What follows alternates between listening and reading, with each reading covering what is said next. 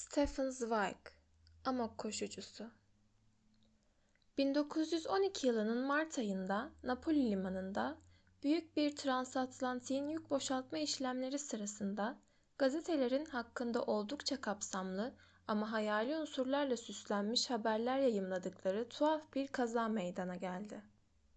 Okyanusun yolcusu olmama rağmen benim de tıpkı diğerleri gibi bu garip olaya tanık olmam mümkün değildi.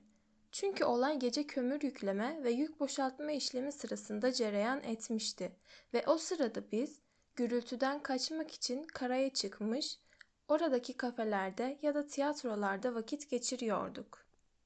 Yine de ben şahsen o zamanlar dile getirmediğim bazı tahminlerimin yaşanan o sahnenin gerçek açıklamasını içinde barındırdığını düşünüyorum ve aradan geçen bunca yılın ardından o garip olayın hemen öncesinde gerçekleşen özel bir konuşmayı artık açıklayabilirim diye düşünüyorum. Kalküta'daki gemi acentesinde Avrupa'ya geri dönüş için bir yer ayırtmak istediğimde görevli hayıflanarak omuzlarını silkti. Bana bir kamera vermesinin mümkün olup olmadığını henüz bilmiyordu. Gemi, yağmur mevsiminin kapıya dayandığı bu günlerde daha Avustralya'dayken neredeyse tamamen doluyordu. Bu yüzden önce Singapur'dan gelecek telgrafı beklemek zorundaydı. Ertesi gün bana sevindirici haberi verdi. Benim için bir yer bulmuştu. Ama güvertenin hemen altında ve geminin ortasında pek de konforlu olmayan bir kameraydı. Eve dönmek için sabırsızlanıyordum. Fazla düşünmedim ve yeri ayırttım. Görevlinin bana verdiği bilgiler doğruydu. Gemi tıka basa doluydu ve kamera kö- kötüydü. Küçük, basık, dikdörtgen biçiminde bir kovuktu. Makine dairesine çok yakındı ve sadece yuvarlak, puslu bir pencere camı tarafından aydınlatılıyordu. Boğucu, yoğun hava petrol ve küf kokuyordu. İnsan bir an bile tepesinde çıldırmış çelik bir yarasa gibi vızıldayarak dönen elektrikli vantilatörden kaçamıyordu. Aşağıda makine durdurak bilmeden aynı merdiveni soluk soluğa tırmanan bir kömür hamalı gibi hırıldıyor ve inliyordu. Yukarıda ise gezinti güvertesinde hiç durmadan bir o yana bir bu yana sürüklenen adımların sesleri duyuluyordu. Bavulumu o küf kokulu gri traversten yapılma mezara koyar koymaz kendimi tekrar güverteye attım ve karadan gelip dalgaların üzerinden eserek aşağılardan bize doğru yükselen tatlımsı, yumuşak rüzgarı amber gibi içime çektim. Ama gezinti güvertesinde de sıkışıklık ve huzursuzluk hakimdi. Ortalık kapalı bir yere tıkılmış ve yapacak hiçbir işleri olmamasının verdiği gerginlikle sürekli gevezelik ederek bir aşağı bir yukarı volta atan insanlardan geçilmiyordu. Kadınların cıvıltılı şakalaşmaları, güvertenin dar geçitlerinde çaresizce dönüp duran yürüyüş, sürünün sandalyelerin önünden geveze bir huzursuzluk içinde bir yana bir bu yana geçişi ve sürekli birbirleriyle karşılaşması bir şekilde bana acı veriyordu. Yeni bir dünya görmüştüm. Dört nala bir kovalamaca içinde hızlıca birbirine karışan görüntüler içmiştim. Artık onları düşünmek, dağıtmak, organize etmek, kafamda yeniden canlandırarak gözüme çarpan şeylere bir çeki düzen vermek istiyordum. Ama bu sıkışık bulvarda bir dakika bile durup dinlenmek yoktu. Bir kitabın satırları gevezelik yaparak önümden geçenlerin belli belirsiz gölgeleri altında silinip gidiyordu. Gemideki bu gölgesiz ve hareketli dar geçitte insanın kendisiyle baş başa kalması imkansızdı. Üç gün boyunca bunu denedim. Pes etmiş halde insanları, denizi izledim. Ama deniz hep aynıydı. Mavi ve boş. Sadece gün batımından aniden bütün renkler üzerine dökülmüş gibi oluyordu. İnsanlara gelince onları 3-24 saatin sonunda adeta ezberlemiştim. Her surat bıkkınlık derecesinde tanıdık geliyordu. Kadınların tiz gülüşleri artık sinirlerimi bozmuyor, birbirine yakın duran iki Hollandalı subayın gürültülü münakaşaları beni kızdırmıyordu. Geriye sadece kaçmak kalıyordu. Ama kamera sıcak ve nemliydi. Salonda İngiliz kızlar yarım yamalak valsler çalarak hiç durmadan kötü piyano müziği üretiyorlardı. Sonunda kararlı bir şekilde saat düzenini ters yüz ettim.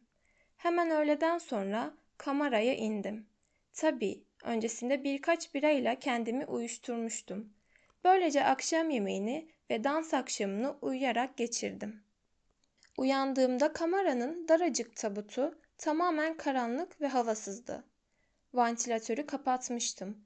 Bu yüzden yağlı ve nemli hava şakaklarıma hücum ediyordu. Duyularım adeta uyuşmuştu. İçinde bulunduğum yeri ve zamanı idrak etmem dakikalar aldı. Saat gece yarısını geçmiş olmalıydı. Zira ne müzik duyuyordum ne de adımların aralıksız sürüklenişini. Sadece makine dairesinin sesi duyuluyordu. Devasa geminin atan kalbi, geminin gıcırdayan gövdesini güç bela ileriye bir görünmeze doğru itmeye devam ediyordu. El yordamıyla güverteye çıktım. Bomboştu. Başımı kaldırıp bacanın tüten kulesinin ve hayalet gibi parıldayan direklerin üst tarafına bakar bakmaz gözlerime büyüleyici bir aydınlık hücum etti. Gökyüzü pırıl pırıldı. İçinde bembeyaz uçuşan yıldızlara göre karanlıktı ama yine de pırıl pırıldı. Sanki orada muazzam bir ışığı örtmekte olan kadife bir perde vardı. Sanki parıldayan yıldızlar sadece o perdedeki delikler ve yırtıklardı. O anlatılmaz aydınlık da oralardan sızıp öyle parlıyordu. Gökyüzünü daha önce hiç o geceki gibi görmemiştim. Öylesine parlak, öylesine çelik mavisi ve sertti. Ama yine de kıvılcımlar saçıyor, ışıklar sızdırıyor, coşkuyla taşıyor, aydan ve yıldızlardan aşağıya akan ve bir yandan da için için yanan gizemli bir iç bölgeden geliyormuş gibi görünen ışıklarla kaynıyordu. Beyaz boyalar geminin bütün kenar hatlarını kadife karanlığındaki denize karşı ışıl ışıl parlatıyor, halatlar, serenler, bütün ince çizgiler, bütün silüetler bu sel gibi akan parıltının içinde eriyip gidiyordu. Direklerin tepesindeki ışıklar, gökyüzünün parlak yıldızları arasındaki bu dünyevi sarı yıldızlar sanki boşlukta sallanıyorlar ve bunların üst tarafında gözetleme yerinin yuvarlak gözünden sarkıyorlardı. Ama o sırada tepemde o büyüleyici takım yıldız duruyordu. Güney haçı takım yıldızı, parıldayan elmas çivilerle görünmezliğe çakılmış, adeta havada asılı kalmıştı. Bu sırada hareket eden tek şey gemiydi. Sessizce titreyerek nefes alıp veren göğsüyle bir aşağı bir yukarı, bir aşağı bir yukarı dalıp çıkarak karanlık dalgalardan fırlayan o devasa yüzücü. Öylece durdum ve gökyüzüne baktım. Kendimi yukarıdan sıcak suyun döküldüğü bir banyoda gibi hissediyordum. Elimi yıkayan tek şey o beyaz ve ılık ışıktı. Omuzlarıma, başıma yumuşacık dökülüyor ve bir şekilde sanki içime işliyordu. Çünkü içimdeki bütün karanlıklar birdenbire aydınlanmıştı. Özgürleşmiş gibi nefes alıyordum arınmış, bir anda saadete kavuşmuştum. Dudaklarımda berrak bir içecek gibi havayı hissediyordum. Yumuşak, mayalanmış, hafifçe sarhoş eden havayı, içinde meyvelerin nefesini, uzak adaların kokusunu taşıyan havayı. Güverteye çıktığımdan beri ilk kez içimi düş görmenin kutsal arzusu vardı. Hatta daha da şehvetlisi, bedenimi, bir kadın gibi beni saran o yumuşaklığa teslim etme arzusu. Uzanmak istiyordum. Gözlerimi kaldırıp o beyaz hieroglifleri izlemek. Ama güvertedeki şezlonglar, iskemleler kaldırılmıştı. Bu boş gezinti güvertesinin hiçbir yerinde rüyalarla dolu bir uyku için uygun yer yoktu. Böylece el yordamıyla yürümeye devam ettim.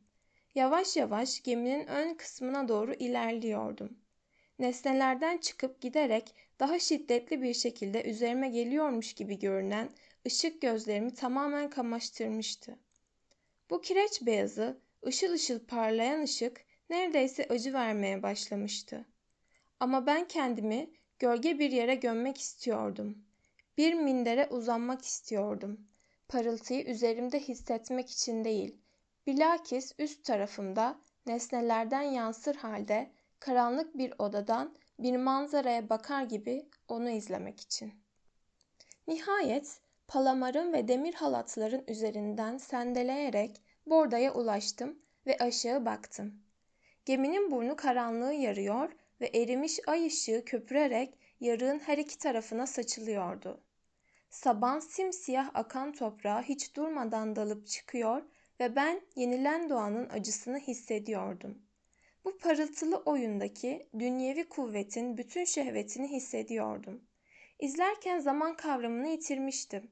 Bir saattir mi böyle duruyordum yoksa sadece birkaç dakikadır mı? Geminin muazzam beşiği beni zamanın içinde bir aşağı bir yukarı savurup duruyordu. İçimi bir yorgunluğun kapladığını fark ediyordum. Şehveti andıran bir yorgunluktu bu. Uyumak, rüya görmek istiyordum. Ama bu büyüden çıkmak, aşağıdaki tabutuma geri dönmek istemiyordum. Gayri ihtiyari ayağımla yerdeki bir halat yanına dokundum. Onun üzerine oturdum, gözlerimi kapadım. Ama tamamen karanlık değildi. Çünkü hem onların üzerinde hem benim üzerimde o gümüşi parıltı akıp duruyordu. Aşağıda suyun sessizce hışırdadığını duyuyordum. Üzerimde ise bu dünyanın beyaz selinin belli belirsiz tınısını. Ve yavaş yavaş bu hışırtılar kanımda kabarmaya başladı. Artık kendimi hissetmiyordum. Bu nefeslerin benim kendi nefeslerim mi yoksa geminin uzakta çabalayan kalbinin mi olduğunu bilmiyordum. Bu gece yarısı dünyasında dinmek bilmeyen bir hışırtı içinde akıyor, akıntıda kaybolup gidiyordum. Yanı başımdan gelen kısık, kuru bir öksürük sesiyle yerimden sıçradım. Neredeyse beni sarhoş eden rüyamdan korkuyla uyandım. O vakte kadar kapalı olan göz kapaklarıma vuran beyaz ışıktan kamaşan gözlerim ihtiyatla açıldı.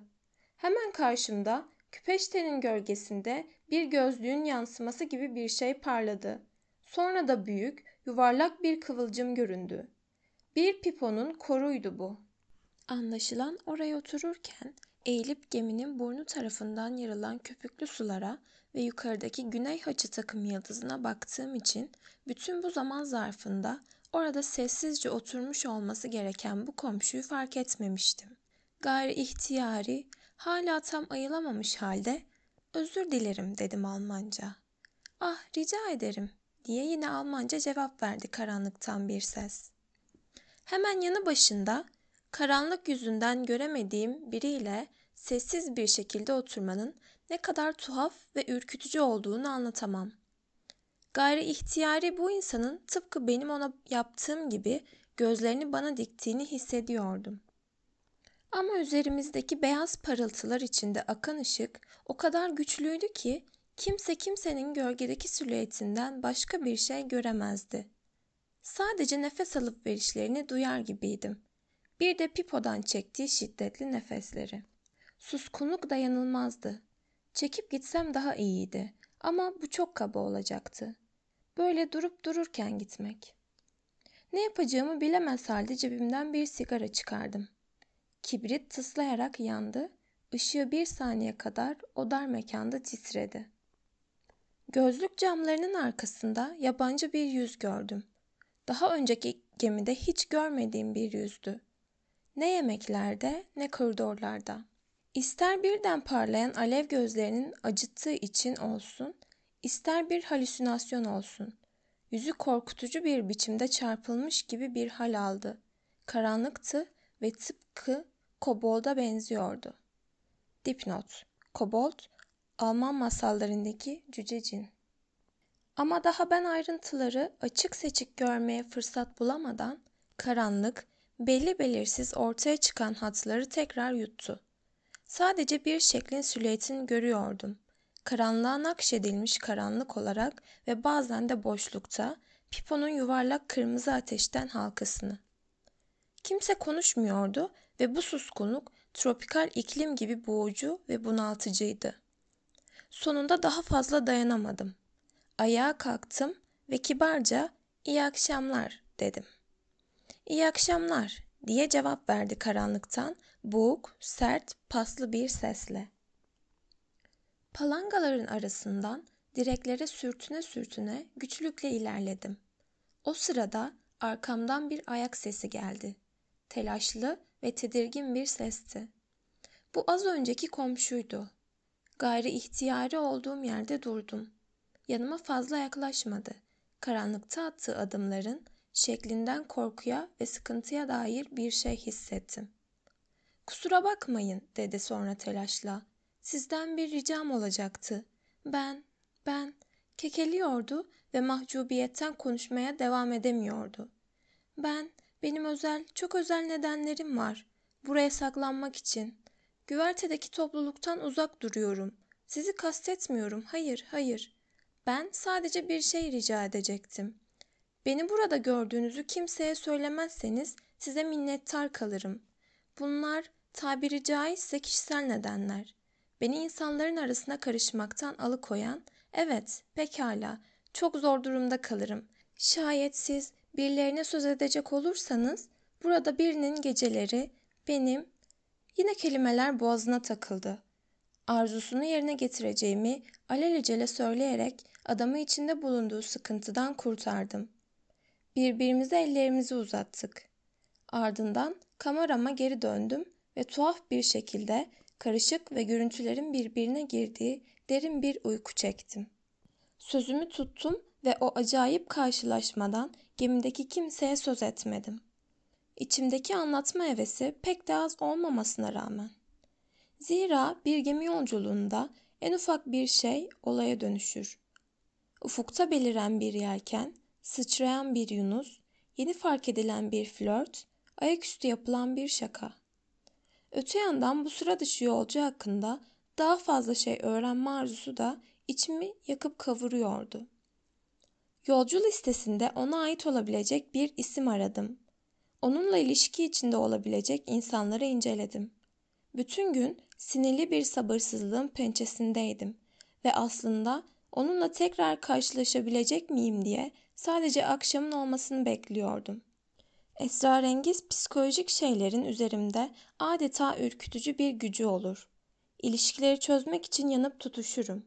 Ve tuhaf insanların sadece varlıkları onları tanıma arzusunu bir tutkuya dönüştürür. Bu bir kadının elde etme arzusundan çok da az değildir. Gün uzadıkça uzadı. Ufalanıp parmaklarımın arasından bomboş akıp gitti. Erkenden yatağa girdim. Gece yarısı uyanacağımı, içimdeki merakın beni uyandıracağını biliyordum. Ve gerçekten de bir önceki gece uyandığım saatte uyandım. Saatin fosforlu kadranında akrep ve yelkovan üst üste gelerek parlak bir çizgi oluşturmuşlardı. Aceleyle boğucu kameramdan çıkarak daha boğucu bir geceye karıştım. Yıldızlar dün geceki gibi parlıyorlar, dağınık ışıklarını titreyen geminin üstüne boşaltıyorlardı. Yukarılarda Güney Hacı takım yıldızı ışıl ışıl parlıyordu. Her şey dünkü gibiydi. Tropiklerde geceler ve gündüzler birbirlerine bizim küredekinden daha çok benzerler. Sadece içimdeki bu yumuşak, akışkan, hayalperest uyanıklık hali dünkü gibi değildi. Bir şey beni çekiyor, kafamı karıştırıyordu ve o şeyin beni nereye çektiğini biliyordum. Borda kısmındaki o siyah kütleye acaba hala orada hareketsiz bir biçimde oturuyor muydu o esrarengiz adam? Yukarıdan geminin çan sesi geldi. Bu beni hızla harekete geçirdi. Adım adım istem dışı ve yine de o tarafa çekilerek kendimi oluruna bıraktım. Daha Pruva'ya varmamıştım ki orada birden göze benzeyen kırmızı bir şey parıldadı. Pipo. Demek ki oradaydı. Gayri ihtiyari geri sıçradım ve olduğum yerde kaldım. Bir an sonra yürümeye devam edecektim ki ileride karanlıkta bir şey hareket etti.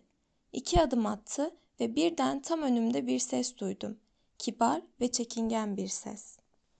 Kusura bakmayın dedi. Sanırım yine yerinize geçmek istiyorsunuz ama içimden bir ses sizin beni görünce bundan vazgeçtiğinizi söylüyor. Lütfen siz yerinize geçin, ben giderim.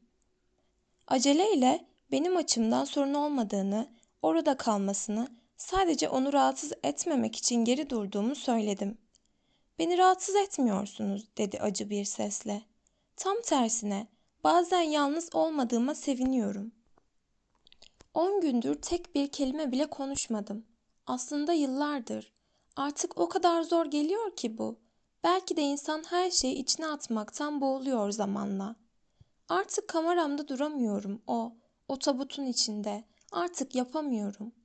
Öte yandan insanlara da katlanamıyorum. Çünkü bütün gün gülüyorlar. Şu an bunu kaldıramam. Sesleri kameramın ta içine kadar geliyor ve ben kulaklarımı tıkıyorum. Kuşkusuz, tabii bilmiyorlar ki. Neyse işte bilmiyorlar ve de zaten yabancıları ne ilgilendirir ki bu? Tekrar sustu. Sonra aniden ve aceleyle şöyle dedi. Ama size yük olmak istemem. Gevezeliğimi affedin. Önümde eğilerek oradan ayrılmak istedi. Ama ben buna ısrarla karşı çıktım. Bana kesinlikle yük olmuyorsunuz.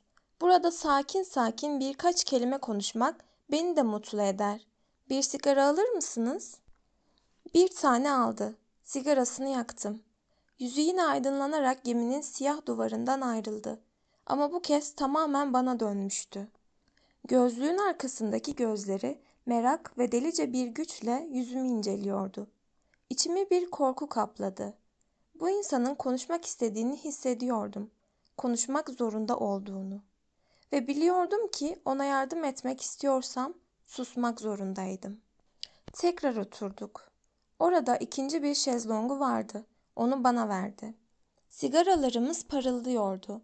Onunkinden çıkan ışık çemberinin karanlıktaki o tedirgin titreşinden ellerinin sarsıntı içinde olduğunu anladım. Ama ben susuyordum. O da susuyordu.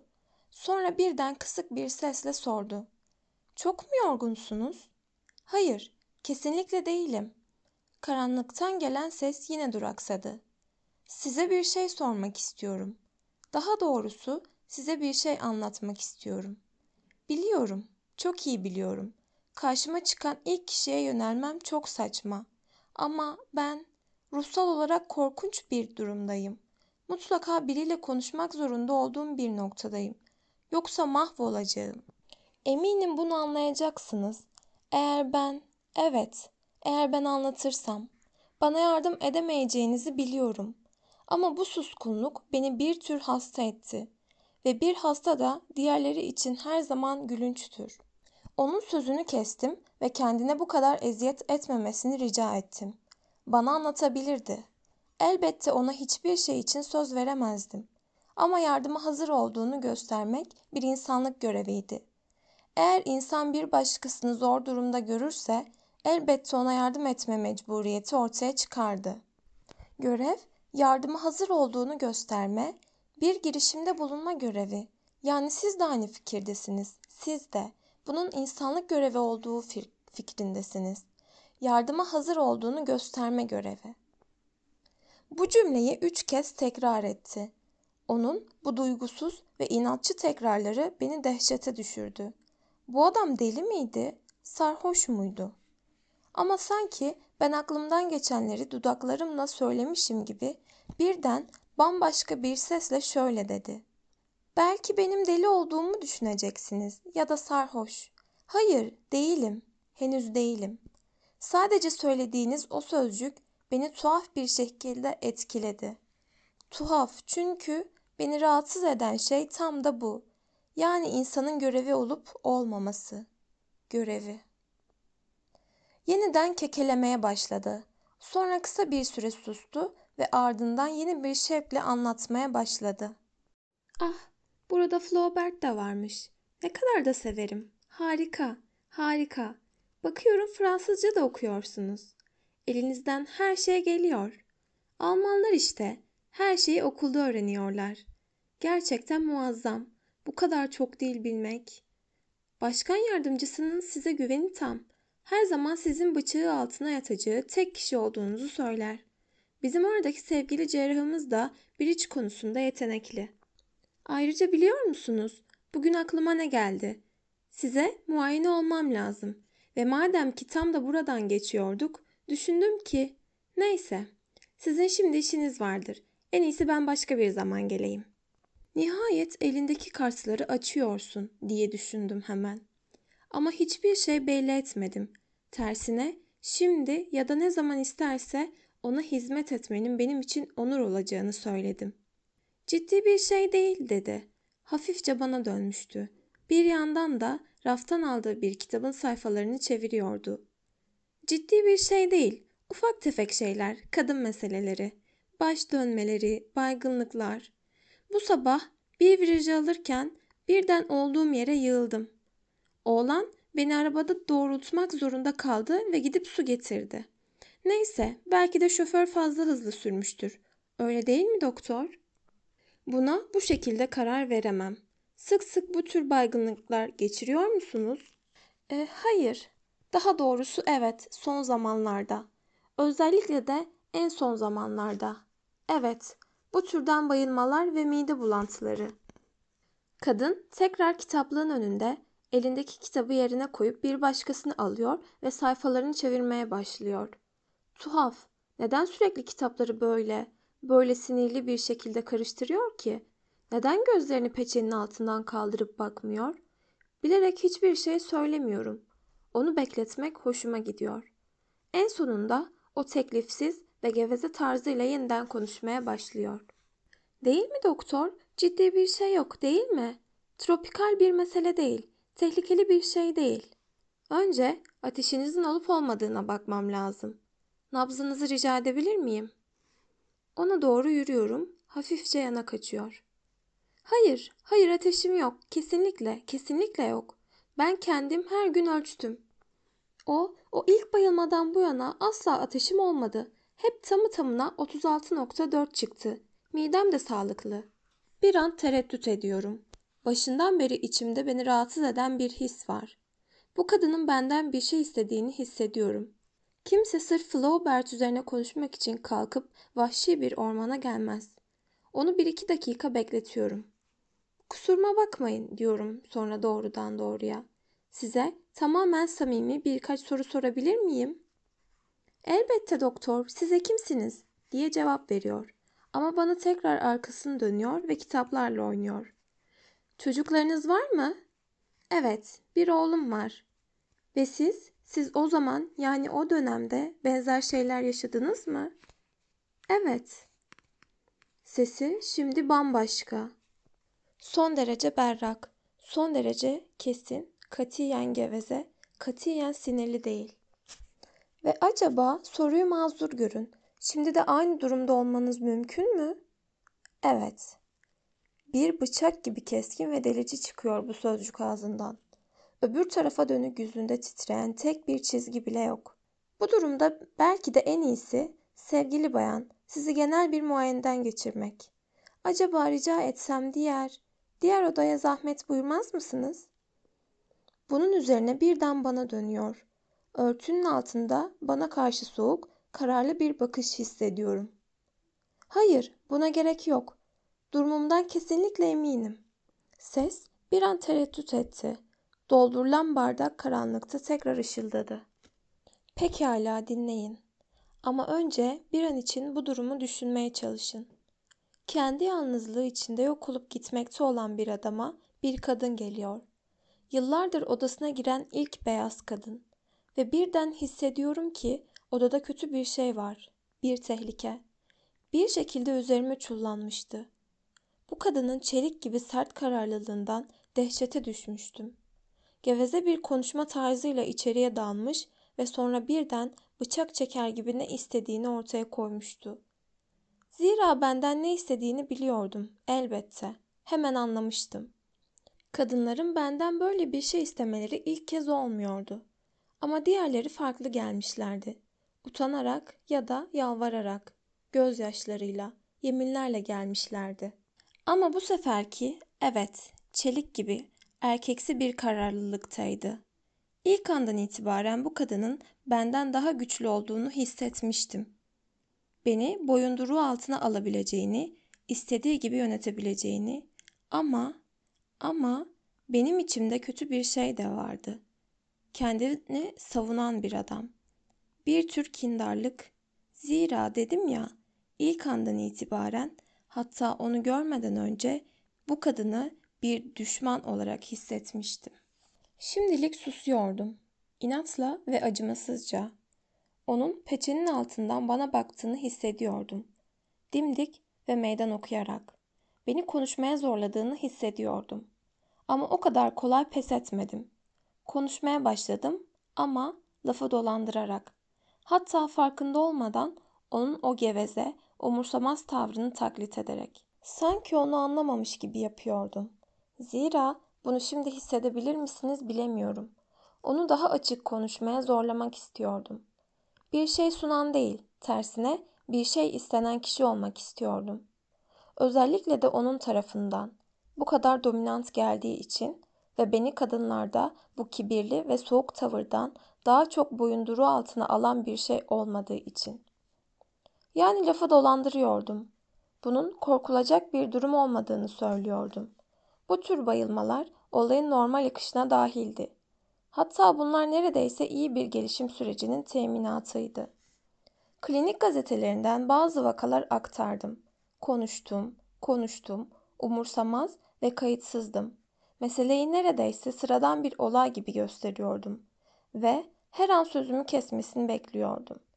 Çünkü buna katlanamayacağını biliyordum. O sırada oldukça sert bir şekilde adeta bütün bu rahatlatıcı konuşmayı bir kenara itmek isteyen bir el hareketiyle araya girdi. Beni tedirgin eden şey doktor, bu değil. Oğlumu dünyaya getirdiğim zaman sağlığım daha iyi durumdaydı. Ama şimdi o kadar iyi değilim. Kalp rahatsızlıklarım var. Ah, kalp rahatsızlıkları diye tekrar ettim. Tedirgin olmuş gibi yapıyordum. O zaman buna hemen bakmam lazım. Sanki kalkıp stetoskopu alıp gelecekmiş gibi bir hareket yaptım. Ama yine araya girdi. Sesi bu sefer son derece keskin ve kararlıydı. Bir komutan sesi gibiydi. Kalp rahatsızlıklarım doktor ve sizden söylediklerime inanmanızı rica ediyorum. Muayenelerle zaman kaybetmek istemiyorum. Bana biraz güvenebilirsiniz diye düşünüyorum. En azından ben size olan güvenimi yeterince kanıtladım. Artık bu bir savaştı. Açıkça meydan okumaydı. Ben de kabul ettim. Güvenin şartı samimiyettir. Kayıtsız şartsız samimiyet. Açık konuşun. Ben doktorum. Ve her şeyden önce şu peçeyi kaldırın. Gelin şuraya oturun. Kitapları bırakın. Ve de dolambaçlı yolları. İnsan doktora peçeyle gelmez. Bana baktı, dimdik ve gururlu. Bir an duraksadı. Sonra oturdu ve peçesini yukarı kaldırdı. Tam da görmekten korktuğum bir yüzdü.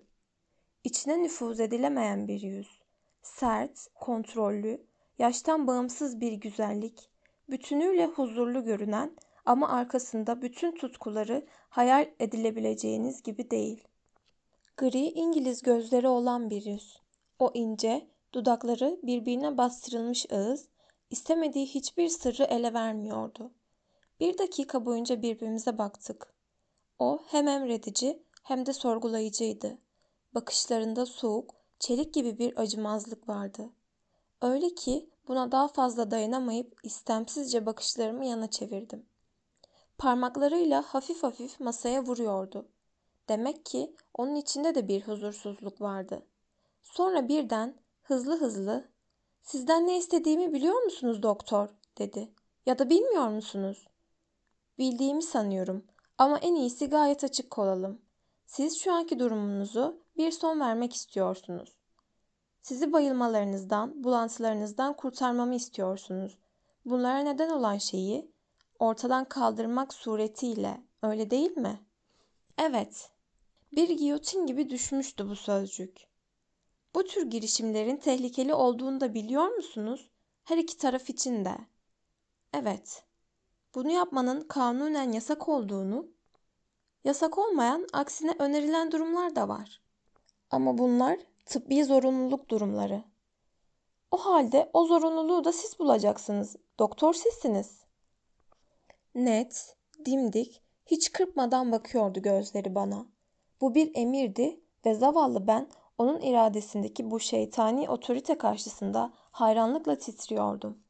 Ama çoktan ayaklar altına alınmış olduğumu göstermemek için hala debeleniyordum. Sakın acele etme, zorluklar çıkar. Onu yalvarmaya zorla, diyen bir arzu vardı içimde. Bu her zaman doktorun elinde olan bir şey değildir. Ama hastaneden bir meslektaşımla meslektaşlarınızı istemiyorum. Ben size geldim. Sorabilir miyim acaba neden özellikle ben? Bana soğuk bir bakış fırlattı. Bunu size söylemekte bir sakınca görmüyorum. Çünkü siz şehir dışında oturuyorsunuz. Çünkü beni tanımıyorsunuz. Çünkü iyi bir doktorsunuz ve çünkü burada ilk kez duraksadı. Çünkü herhalde buralarda fazla kalmazsınız. Bilhassa, bilhassa da eve yüklü miktarda para götürme imkanı bulursunuz. Birden buz gibi oldum. Bu katı, bu esnaf, bu tüccar hesapçılığındaki netlik beni serseme çevirmişti. O ana kadar dudaklarını hiç rica için açmamıştı. Ama her şeyi çoktan hesaplamıştı. Önce bana pusu kurmuş ve sonra izimi sürmüştü. İradesindeki şeytaniliğin içime nasıl sızdığını hissediyordum. Ama bütün öfkemle kendimi savundum. Bir kez daha kendimi nesnel, hatta neredeyse alaycı olmaya zorladım. Bu yüklü miktarı da siz mi sağlayacaksınız bana? Yardımlarınız ve derhal buradan ayrılmanız için. Bu yüzden emekliliğimi kaybedeceğimi biliyor musunuz? Bu zararınızı karşılayacağım. Çok açık sözlüsünüz. Ama ben daha da açık olmanızı istiyorum. Bana bunun için ödemeyi düşündüğünüz miktar nedir? 12 bin gulden. Amsterdam'da tahsil edebileceğiniz bir çek olarak. Ben titriyordum. Öfkeden titriyordum ve hatta hayranlıktan. Her şeyi hesaplamıştı. Miktarı ve ödeme biçimini ki bu beni buradan ayrılmaya zorlayacaktı. Bana bir değer biçmiş ve satın almıştı. Tanımadığı halde. İradesinin ön sezisiyle bana hakim olmuştu. İçimden suratına bir tokat atmak geçiyordu. Ama titreyerek ayağa kalkıp o da ayağa kalkmıştı. Gözlerimi gözlerine diktiğimde o rica etmeyen, sımsıkı kapalı ağza, eğilmek istemeyen kibirli alnına bakarken birden içimi şiddetle bir, bir tür hırs kapladı. O da bunu hissetmiş olmalıydı. Çünkü kendini rahatsız eden birini başından salmak istercesine kaşlarını kaldırmıştı. Aramızdaki nefret birden açığa çıkmıştı. Bana ihtiyacı olduğu için benden nefret ettiğini biliyordum ve ben de ondan. Ondan rica etmeyi bilmediği için nefret ediyordum. Bu bir, bu bir saniye suskunluk sırasında ilk kez birbirimizle dürüst konuştuk. Sonra bir düşünce, bir sürüngen gibi içime sokuldu ve ona dedim ki, dedim ki, ama durun, bunu böyle yanlış anlarsınız. Yaptığım şeyi, söylediğim şeyi önce size açıklamam lazım. Nasıl, niçin bu çılgınca fikrin içimi kapladığını. Yine karanlıkta bir bardak şıngırdadı ve ses daha heyecanlı bir hal aldı. Bir mazeret olarak değil ya da kendimi haklı göstermek, haklı çıkarmak için değil. Çünkü aksi halde anlayamayacaksınız. Daha önce hiç iyi bir insan ya da ona benzer bir şey oldu mu bilmiyorum. Ama galiba her zaman yardımsever biriydim. Oradaki o kirli hayat içinde insanın beynine sıkıştığı bir avuç bilgiyle herhangi birine hayatında bir parça nefes verebilmek insanın tek mutluluğu. Bir tür tanrısal mutluluk. Gerçekten sarı benizli bir oğlanın korkudan mosmor kesilmiş davul gibi şiş ayağında bir yılan ısırığıyla gelip daha şimdiden ayağını kesmemeleri için ağlaması ve benim onu bir şekilde kurtarmayı başarmam yaşadığım en güzel anlardır. Bir kadının ateşi yükseldiğinde saatlerce yol gitmekten çekinmiyordum. Bu kadının istediği türden şeyler konusunda da yardımcı oldum. Daha Avrupa'daki klinikteyken bile. Ama orada bu insanın birisini gereksindiğini hissediyordunuz. Orada birini ölümden kurtardığınızı biliyordunuz ya da çaresizlikten. Ve insanın bizzat kendisinin de yardım etmek için buna ihtiyacı vardı. Başkasının size ihtiyacı olduğu duygusuna. Ama bu kadın, bunu size anlatabilir miyim bilmiyorum. Beni çileden çıkarıyordu. Gezinir gibi içeri girdiği andan itibaren beni tahrik ediyordu. Kibri yüzünden beni direnmeye itti. Her şeyi tahrik ediyordu. Nasıl söylesem, bütün bastırılmış şeyleri, bütün gizlenmiş şeyleri açığa çıkarıyor, içimdeki bütün kötülüğü ona karşı ayaklandırıyordu. Bir hanımefendiyi oynaması, ortada bir ölüm kalım sorunu varken son derece soğukkanlı bir ticaret organize etmiş olması beni çıldırtıyordu. Ve sonra, sonra sonuçta insan golf oynarken hamile kalmaz. Biliyordum ki yani birdenbir o an aklıma gelen şey buydu. Birden ürkütücü bir berraklıkla bu soğukkanlı, bu kibirli, bu soğuk kadının ona sadece karşı çıkmaya çalışan, hatta neredeyse başımdan atmaya yönelik bir bakış fırlattığımda, kaşlarını o çelik gibi gözlerin üstünde dimdik kaldıran bu kadının iki ya da üç ay önce yatakta bir adamla ateşli bir şekilde yuvarlanmış olduğunu hatırladım. Bir hayvan gibi çırılçıplak, belki de şehvetten inleyerek, bedenlerini iki dudak gibi birbirine bastırarak. O sırada bana öyle kibirli, öyle buz gibi, tıpkı bir İngiliz subayı gibi bakarken birden, birden içimi kaplayan yakıcı düşünce buydu. Ve o anda, o anda içimdeki her şey gerildi.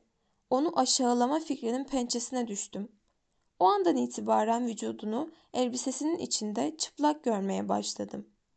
O andan itibaren sadece ona sahip olma düşüncesi içimde yaşadım. Sert dudaklarından bir inleme çıkartmak, bu soğuk, bu kibirli kadını şehvet içinde hissetmek istedim. O herifin, o öteki herifin yaptığı gibi, o tanımadığım herifin yaptığı gibi. Bunu, bunu anlatmak istiyordum size. Her ne kadar yozlaşmış biri olsam da bir doktor olarak hiçbir zaman durumdan faydalanmaya çalışmadım. Ama bu seferki şehvet değildi, azgınlık değildi, cinsellik değildi, gerçekten değildi. Yoksa bunu itiraf ederdim. Sadece bir kibrin efendisi olma hırsıydı. Bir erkek olarak efendi. Size söyledim. Sanırım kibirli görünürde soğuk kadınların üzerimde büyük bir güç sahibi olduklarını söylemiştim. Ve bu sefer, bu sefer hiçbir beyaz kadınla birlikte olmadan yedi yıldır orada yaşıyor olmam, artık hiçbir kadının bana direnmemesi de buna ekleniyordu. Zira buradaki kızlar, o cıvıl cıvıl, narin hayvancıklar, bir beyaz, bir efendi onlara sahip olmak istediğinde saygıdan tir tir titriyorlardı. Tevazu içinde eriyip gidiyorlardı. Her zaman müsait, her zaman sessiz, kıkırdayan gülmeleriyle insana hizmet etmeye hazırdılar. Ama işte tam da bu itaatkarlık, bu kul kölelik insanın zevkini kaçırıyordu. Şimdi anlıyor musunuz? Kibir ve nefret dolu, tepeden tırnağa örtülü ama aynı zamanda etrafa gizem saçan ve eski bir tutkuyla yüklenmiş durumda bir kadın birden karşıma çıktığında bunun üzerimde nasıl yıkıcı bir etki yaptığını anlıyor musunuz? Böyle bir kadın, böyle bir erkeğin, böylesine yalnız, aç, kapana kısılmış bir insansı canavarın kafesine pervasızca girdiğinde bunu sadece bunu söylemek istiyordum ki öteki şeyi anlayabilesiniz. Yani şimdi anlatacaklarımı. Neyse, kötü bir hırsla dop dolu olarak o kadına dair düşüncelerden çıplak, şehvetli, arzulu, zehirlenmiş bir halde kendimi zor bela toparladım ve sahte bir umursamazlığa büründüm. Sakin bir sesle 12 bin gulden mi dedim. Hayır, bunun karşılığında o işi yapamam. Bana baktı, yüzü biraz solgundu. Onu reddetmemin para hırsıyla ilgili olmadığını hissetmiş olmalıydı. Ama yine de o halde ne istiyorsunuz diye sordu. Soğukkanlı ses tonu daha fazla sürdürmedim. Kartlar açık oynuyoruz. Ben tüccar değilim. Ben Romeo ve Juliet'teki kirli altın karşılığında zehir satan fakir eczacı değilim. Ben belki de bir tüccarın tam tersiyim. Bu yolla arzularınızın gerçekleştiğini göremeyeceksiniz. Yani yapmak istemiyorsunuz. Para karşılığında değil. Bir saniye boyunca aramızda derin bir sessizlik oldu. Öyle bir sessizlikti ki ilk kez kadının nefes alışlarını duyuyordum. Başka ne isteyebilirsiniz ki? Artık kendimi tutmadım. Öncelikle sizin, sizin benimle bir hırdavatçıyla konuşur gibi değil, bir insanla konuşur gibi konuşmanızı arzu ediyorum. Sizin şayet yardıma ihtiyacınız varsa hemen hemen o çirkin paranızla konuya girmemenizi, Tersine rica etmenizi benden, insandan, size, insana yardım rica etmenizi ben sadece doktor değilim. Benim sadece vizite saatlerim yok. Başka saatlerim de var. Belki siz de böyle bir saate gelmişsinizdir. Bir an susuyor, sonra ağzı hafifçe büzülüyor, titriyor ve hızlıca şöyle diyor. Yani sizden rica edersem o zaman yapacak mısınız? Yine pazarlık yapmak istiyorsunuz. Sadece önceden söz verirsem rica, rica edeceksiniz. Önce benden rica etmeniz gerekiyor. Sonra size cevap vereceğim. İnatçı bir at gibi başını geriye atıyor. Öfkeyle bana bakıyor. Hayır, sizden rica etmeyeceğim. Ölmeyi tercih ederim. O anda içimi bir öfke kaplıyor. O kırmızı, anlamsız öfke. O zaman ben talep edeceğim. Rica etmek istemezseniz. Sanırım çok açık olmama gerek yok. Sizden arzuladığım şeyi biliyorsunuz. O zaman, o zaman size yardım edeceğim. Birden gözlerini dikip bana baktı. Sonra, ah yapamam, ne kadar korkunç olduğunu anlatamam. Sonra yüz hatları gerildi ve sonra, sonra birden başladı. Anlatılmaz bir küçümsemeyle suratıma gülüyordu. Beni toz duman eden bir küçümsemeyle. Aynı zamanda beni sarhoş da eden. Bir patlama gibiydi. Öylesine ani, öylesine şiddetli. Bu küçümseyici gülüşün muazzam gücüyle öylesine güçlü bir patlama oldu ki o an. Evet, o an yere kapanabilir ve ayaklarını öpebilirdim. Sadece bir saniye sürdü. Bir yıldırım gibiydi ve bütün vücudumu alevler sarmıştı. O sırada kadın arkasını dönmüş ve aceleyle kapıya doğru yürümeye başlamıştı. İstemsizce arkasından gitmek istedim. Özür dilemek, ona yalvarmak ama bütün gücüm tükenmişti. O sırada kadın bir kere daha döndü ve şöyle dedi. Hayır şöyle. Sakın beni takip etmeye ya da hakkımda araştırma yapmaya kalkmayın. Pişman olursunuz. Ve kapıyı arkasından çarpıp çıktı. Yine bir duraksama, yine bir suskunluk. Yine sadece o hışırtılar. Ay ışığı akıyormuş gibi. Ve derken yine konuşmaya başlayan ses. Kapıyı çarptı ama ben olduğum yerde kıpırdamadan durdum. Verdiği emirden adeta hipnotize olmuştum. Onun merdivenlerden indiğini duydum. Sonra binanın kapısını kapattığını. Her şeyi duydum ve bütün iradem peşinden gitmeye zorluyordu beni. Onu ne bileyim geri çağırmaya zorluyordu ya da dövmeye ya da boğmaya ama peşinden, peşinden.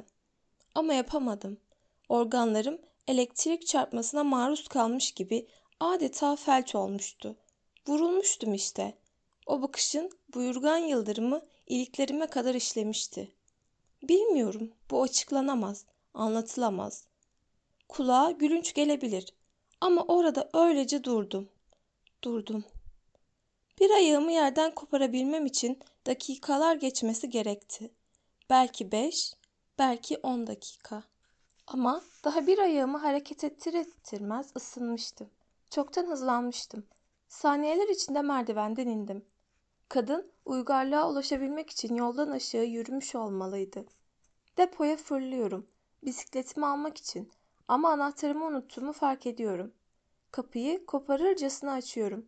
Bambular çatırtıyla parçalanıyor ve bisiklete atladığım gibi kadının peşinden sürüyorum. Ona, ona yetişmek zorundayım. Otomobiline varmadan önce onunla konuşmak zorundayım. Yol toz içinde yanımdan geçip gidiyor. Yukarıda ne kadar süre donup kalmış olduğumu ancak şimdi fark ediyorum. İşte ormanın içindeki dönemeçte. İstasyonun hemen önünde görüyorum onu. Sert ve düzgün adımlarla nasıl da acele acele seyirtiyor. Yanındaki oğlan da ona eşlik ediyor. Ama o da beni görmüş olmalı. Zira o sırada oğlana bir şeyler söylüyor. Oğlan geride kalıyor ve kadın yoluna tek başına devam ediyor. Ne yapmak istiyor? Neden yalnız olmak istiyor? Oğlan duymadan benimle konuşmak mı istiyor? Gözü dönmüş bir vaziyette pedallara basıyorum.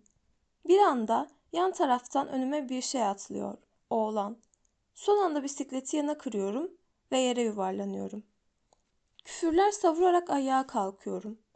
O budalaya vurmak için gayri ihtiyari yumruğumu kaldırıyorum. Ama o hemen yana sıçrıyor. Bisikletimi yerden kaldırıyorum. Tekrar binmek için. Ama o alçak herif yeniden önüme atılıyor. Bisikleti tutuyor. Bisikleti tutuyor ve sefil bir İngilizce ile şöyle diyor. You remain here. Parantez içinde burada kalın. Siz tropiklerde yaşamadınız. O yüzden böyle sarı benizli bir alçağın beyaz bir efendinin bisikletini tutmasının ve ona efendiye olduğu yerde kalmasını emretmesinin nasıl bir küstahlık olduğunu bilemezsiniz. Bütün olası cevapların yerine suratına yumruğu patlattım. Sendeledi. Ama bisikleti bırakmadı. Gözleri, çekik ve ötlek gözleri kölevari bir korku içinde fal taşı gibi açıldı. Ama gidonu bırakmadı. Şeytan gibi tutmaya devam etti. You remain here diye kekeledi bir kez daha. Neyse ki yanımda tabanca yoktu. Yoksa onu oracıkta yere sererdim. Çekil yolumdan hergele demekle yetindim. Sinmiş bir şekilde bana baktı. Ama gidonu bırakmadı. Kafasına bir yumruk daha patlattım. Hala bırakmıyordu. Birden öfkeye kapıldım. Kadının çoktan uzaklaştığını, belki çoktan bütünüyle ortadan kaybolduğunu görüyordum. O anda oğlanın alt çenesine tam anlamıyla bir boksör yumruğu vurdum. Savrulup gitti. Artık bisikletime kavuşmuştum. Ama üzerine atlar atlamaz pedal sıkıştı. Düşme sırasında jant telleri eğilmişti. Titreyen ellerimle düzeltmeye çalıştım. Bir türlü olmadı. O zaman bisikleti yola, kanlar içinde dikilen ve son anda yana çekilen hergelenin önüne fırlattım. Ve sonra, hayır, orada bütün insanların önünde. Ne kadar gülünç olduğunu hissedemezsiniz. Bir Avrupalının. Neyse, artık ne yaptığımı bilmiyordum. Kafamda tek bir düşünce vardı. Peşinden gitmek, ona yetişmek. Bunun üzerine koşmaya başladım. Çılgın gibi yol boyunca kulübelerin yanından geçerek koştum. O sıra benizli ayak takımı nasıl da şaşkınlıkla yola doluşuyordu. Beyaz bir adamın, bir doktorun koştuğunu görmek için. Kanter içinde istasyona ulaştım. İlk sorum, araba nerede? Az önce gitti. İnsanlar şaşkın şaşkın bana bakıyorlardı. Onlara bir deli gibi görünmüş olmalıydım. Oraya öyle ıslak ve yapış yapış geldiğimde ve daha oraya varmadan soruyu uzaktan bağırdığımda. Yolun aşağısında arabadan yükselen dumanın yarattığı anaforu görüyordum. Kadın başarmıştı. Katı, acımasız hesaplarının başarması gerektiği gibi bunu da başarmıştı. Ama kaçmak onun hiçbir işine yaramayacaktı. Tropikte yaşayan Avrupalılar arasında hiçbir sır yoktur. Herkes birbirini tanır. Her şey olay olur. Şoförünün bir saat boyunca devletin bungalovunda beklemesi boşuna değildi. Birkaç dakika içinde her şeyi öğrendim. Onun kim olduğunu öğrendim. Onun aşağıda devletin başkentinde oturduğunu, buraya trenle 8 saat uzaklıkta, onun şöyle diyelim büyük bir tüccarın karısı olduğunu, çılgın bir servete sahip olduğunu, kibar bir İngiliz kadını olduğunu, kocasının şu anda 5 aydır Amerika'da bulunduğunu ve birkaç gün içinde geri geleceğini ve onu da alıp tekrar Avrupa'ya döneceğini de öğrendim. Ama kadın ki bu düşünce bir zehir gibi damarlarıma yayılmıştı. İki ya da üç aydır o bulunduğu durumdaydı. Buraya kadar her şeyi sizin için anlaşılır hale getirebildim. Belki de sadece o ana kadar bizzat ben de kendimi anladığım için. Doktor olarak kendi durumumun teşhisini her zaman kendim koyduğum için. Ama o andan itibaren içimdeki şey bir hummaya dönüştü. Kontrolümü kaybettim. Daha doğrusu yaptığım her şeyin anlamsız olduğunu biliyordum. Ama artık kendi üzerimde bir gücüm yoktu. Artık kendimi anlayamıyordum. Hedefimin takıntısı içinde sadece ileri doğru koşuyordum. Gerçi durun bir dakika. Belki bunu daha kolay anlamanızı sağlayabilirim. Amok'un ne olduğunu biliyor musunuz? Amok mu? Sanırım hatırlıyorum. Malezyalılarda görülen bir tür sarhoşluk. Bu sarhoşluktan daha fazla bir şey. Bu delilik. Bir tür insan kudurması. ölümcül.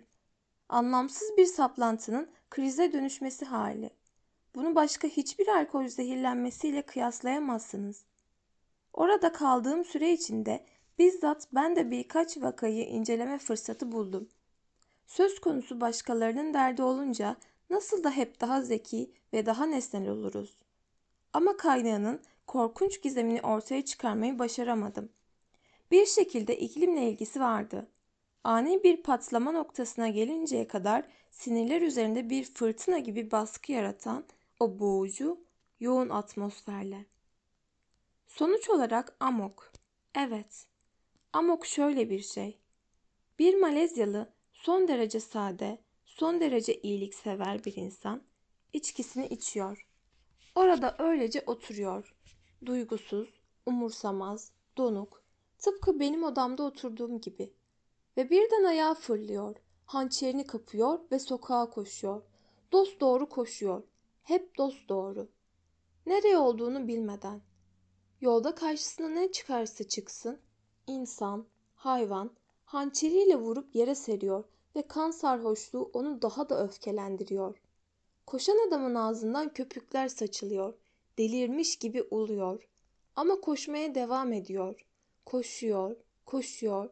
Artık ne sağa bakıyor ne solda duruyor. Sadece tiz çığlığıyla, elinde hançeriyle öyle korkunç bir halde ileriye doğru koşmaya devam ediyor.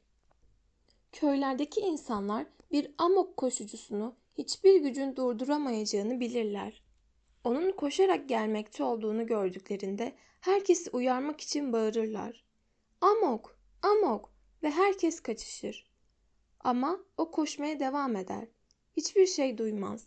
Sürekli koşar. Hiçbir şey görmez. Karşısına çıkan her şeyi yere yıkar. Ta ki biri onu kuduz bir köpek gibi vurup yere serene ya da kendiliğinden köpükler içinde yere yıkılana kadar. Bir keresinde böyle bir şey görmüştüm. Bungalovumun penceresinden. Korkunçtu. Ama sırf onu görmüş olmam sayesinde o günlerde kendimi anlayabilmiştim. Zira tam öyle, tam da o şekilde ileriye dikilmiş korkunç bir bakışla sağa ya da sola bakmaksızın takıntılı bir şekilde koşmaya başlamıştım. O kadının arkasından. Her şeyi nasıl yaptığımı artık hatırlayamıyorum. O delice koşu, o anlamsız hız içinde her şey uçup gitti. O kadın hakkında her şeyi, adını, evini, yazgısını öğrendikten 10 dakika, hayır 5, hayır 2 dakika sonra hemen yeni bir bisiklet ödünç alıp hızlıca eve döndüm. Bavula bir takım elbise koydum. Yanıma para aldım ve bir arabayla tren istasyonuna gittim.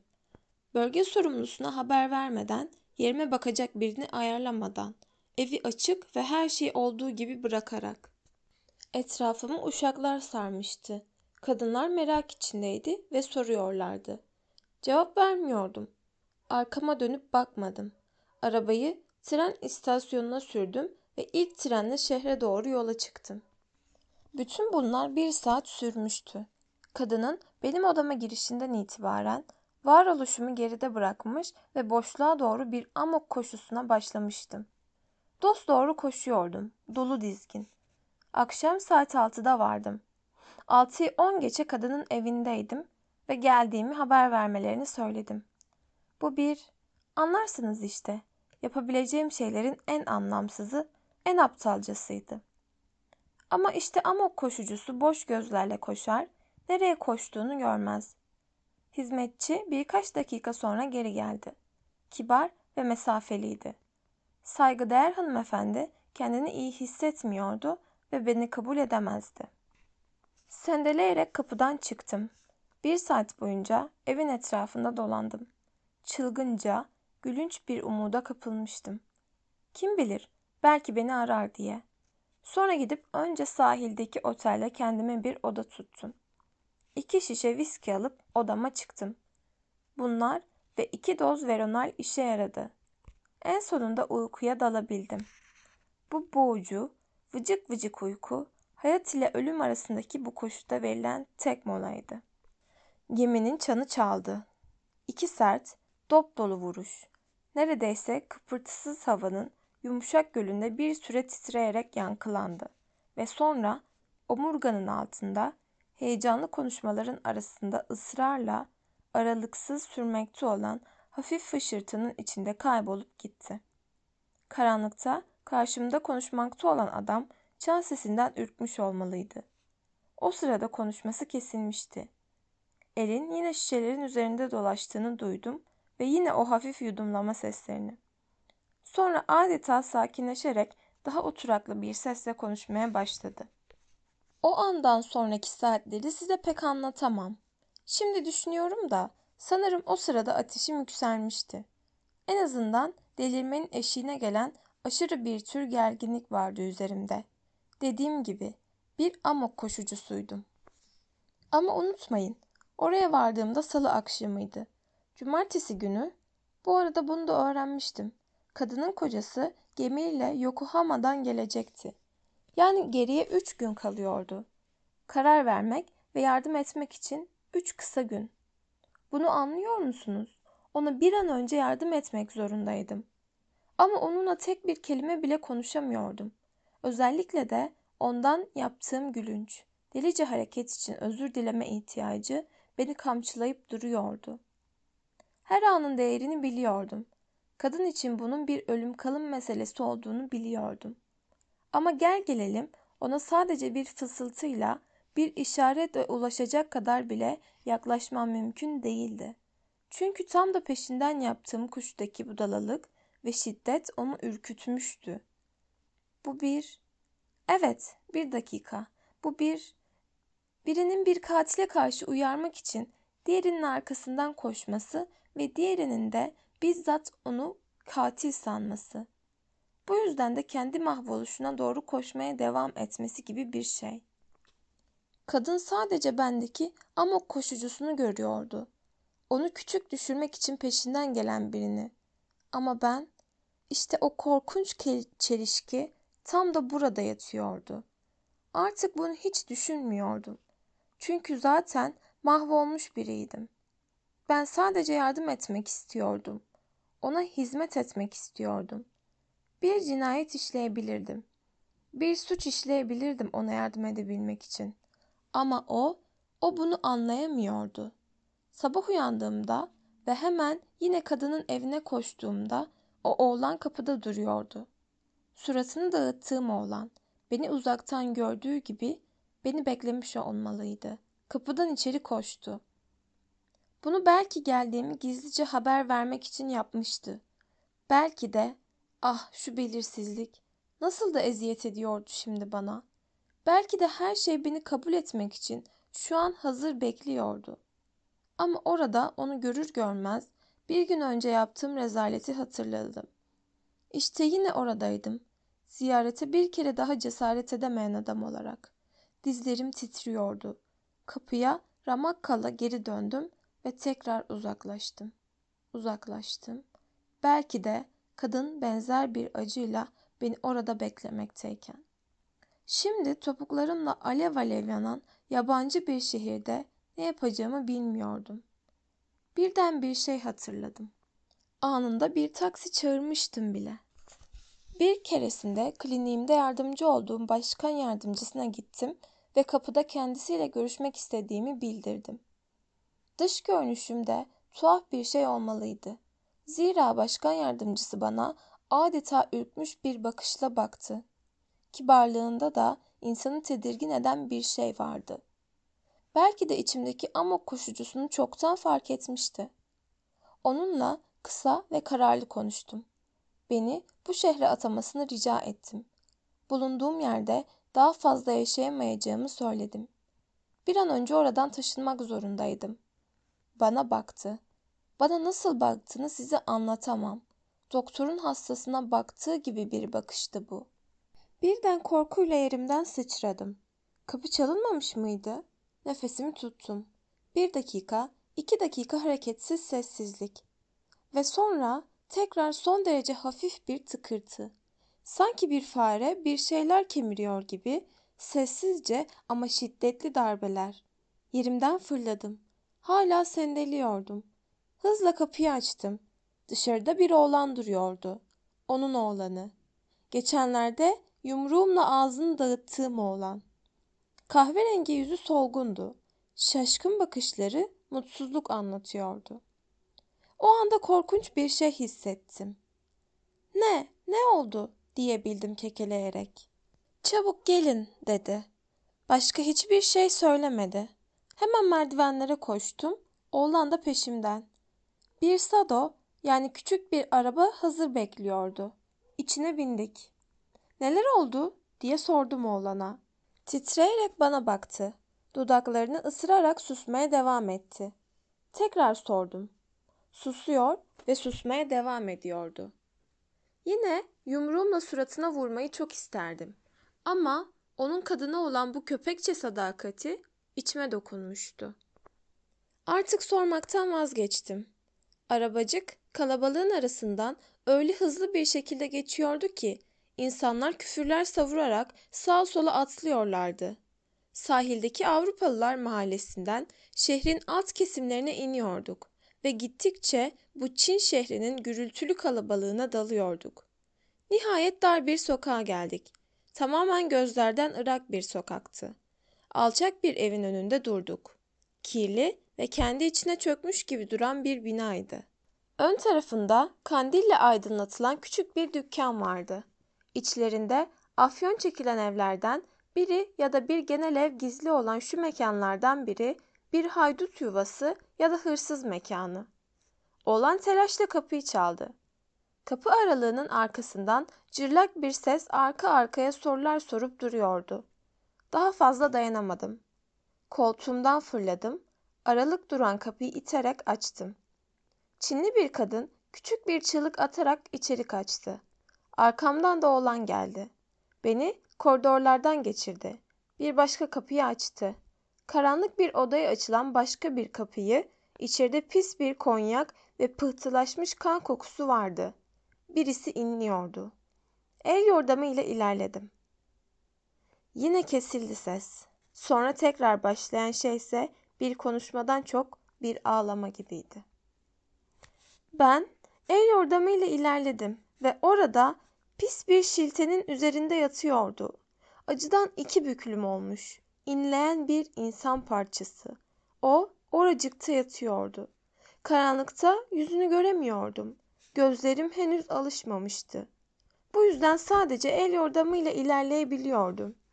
Eli sıcak, alev alev yanıyor. Ateşi var, yüksek ateşi var. Bir an ürperdim. Olan biteni hemen anladım. Benden kaçıp buraya gelmişti. Pis bir Çinlinin kendisini yaralamasına izin vermişti. Sırf burada daha çok sır saklanacağını umduğu için. Şeytani bir cadının kendisini öldürmesine izin vermişti. Bana güvenmektense bunu tercih etmişti. Sırf ben bir deli olduğum için, onun gururuna özen göstermediğim, ona hemen yardım etmediğim için. Ölümden korkusu benden korkusundan daha az olduğu için. Bağırarak ışık istedim. Oğlan fırladı.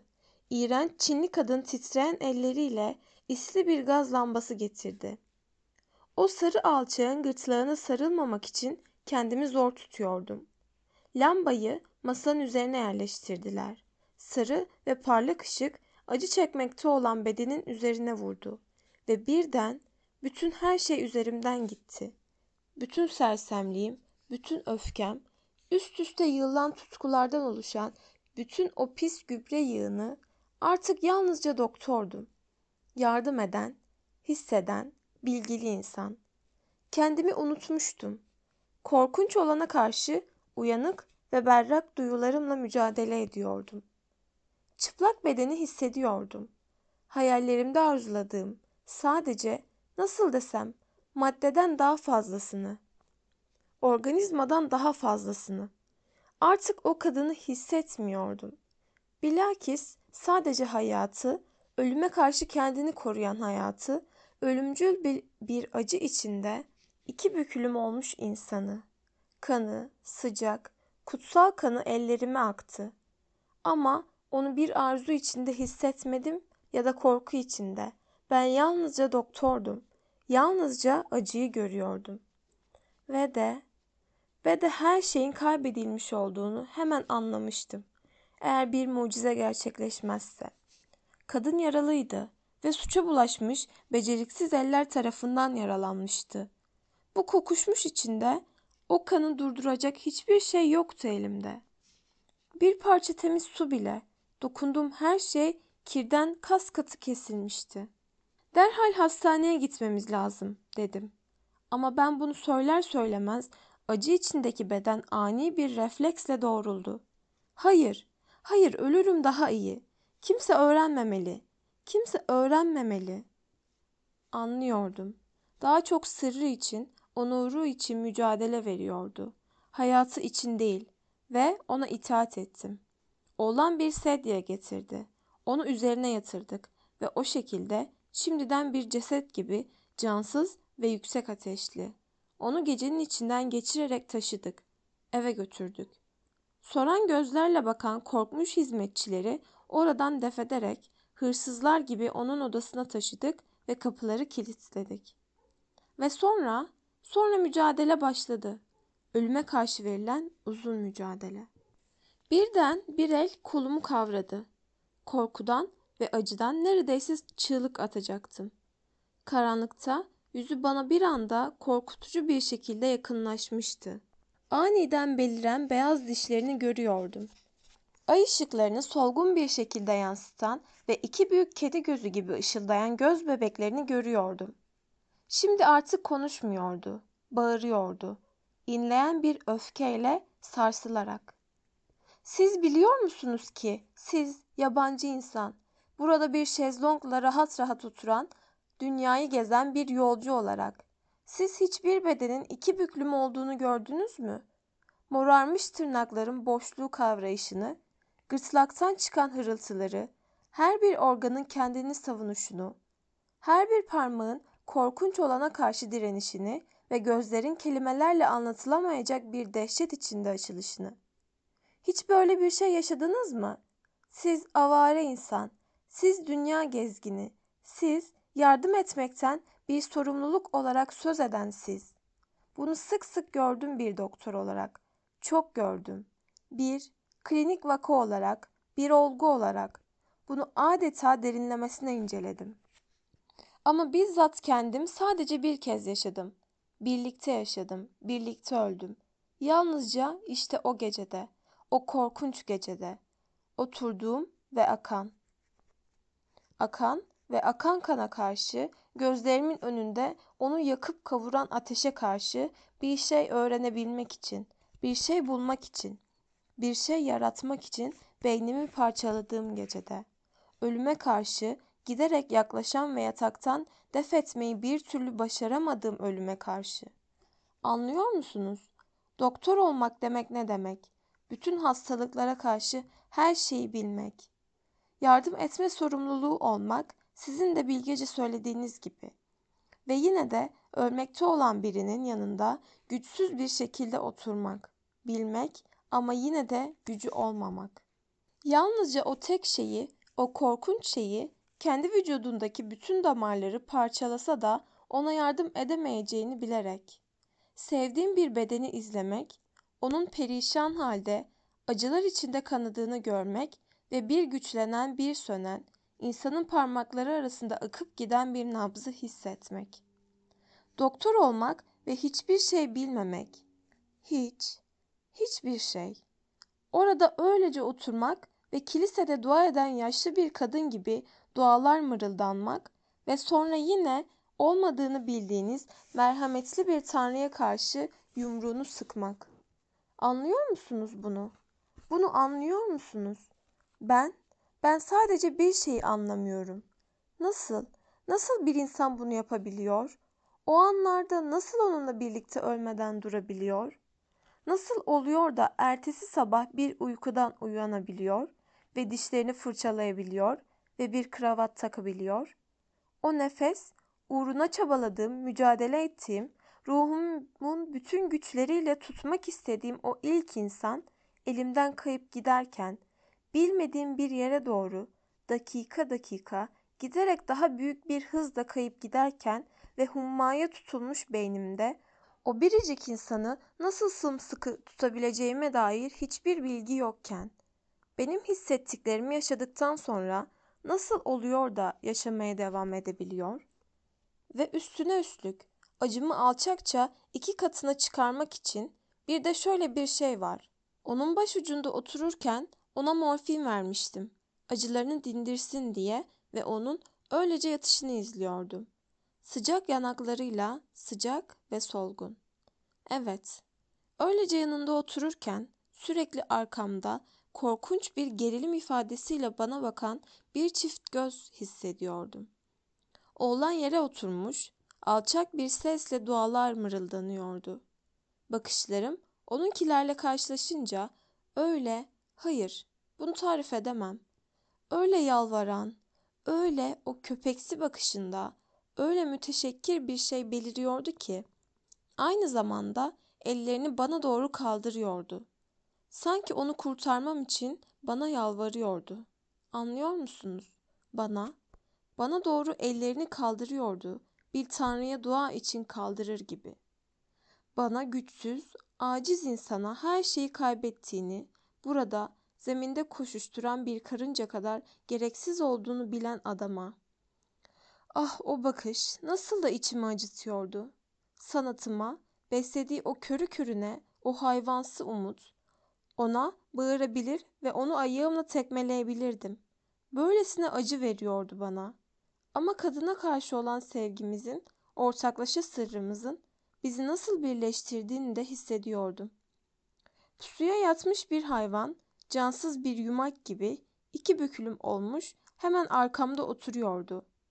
Bir şey isteyecek olsam, daha ağzımdan çıkar çıkmaz çıplak, sessiz, ayaklarıyla fırlıyor ve titreyen elleriyle bana uzatıyordu.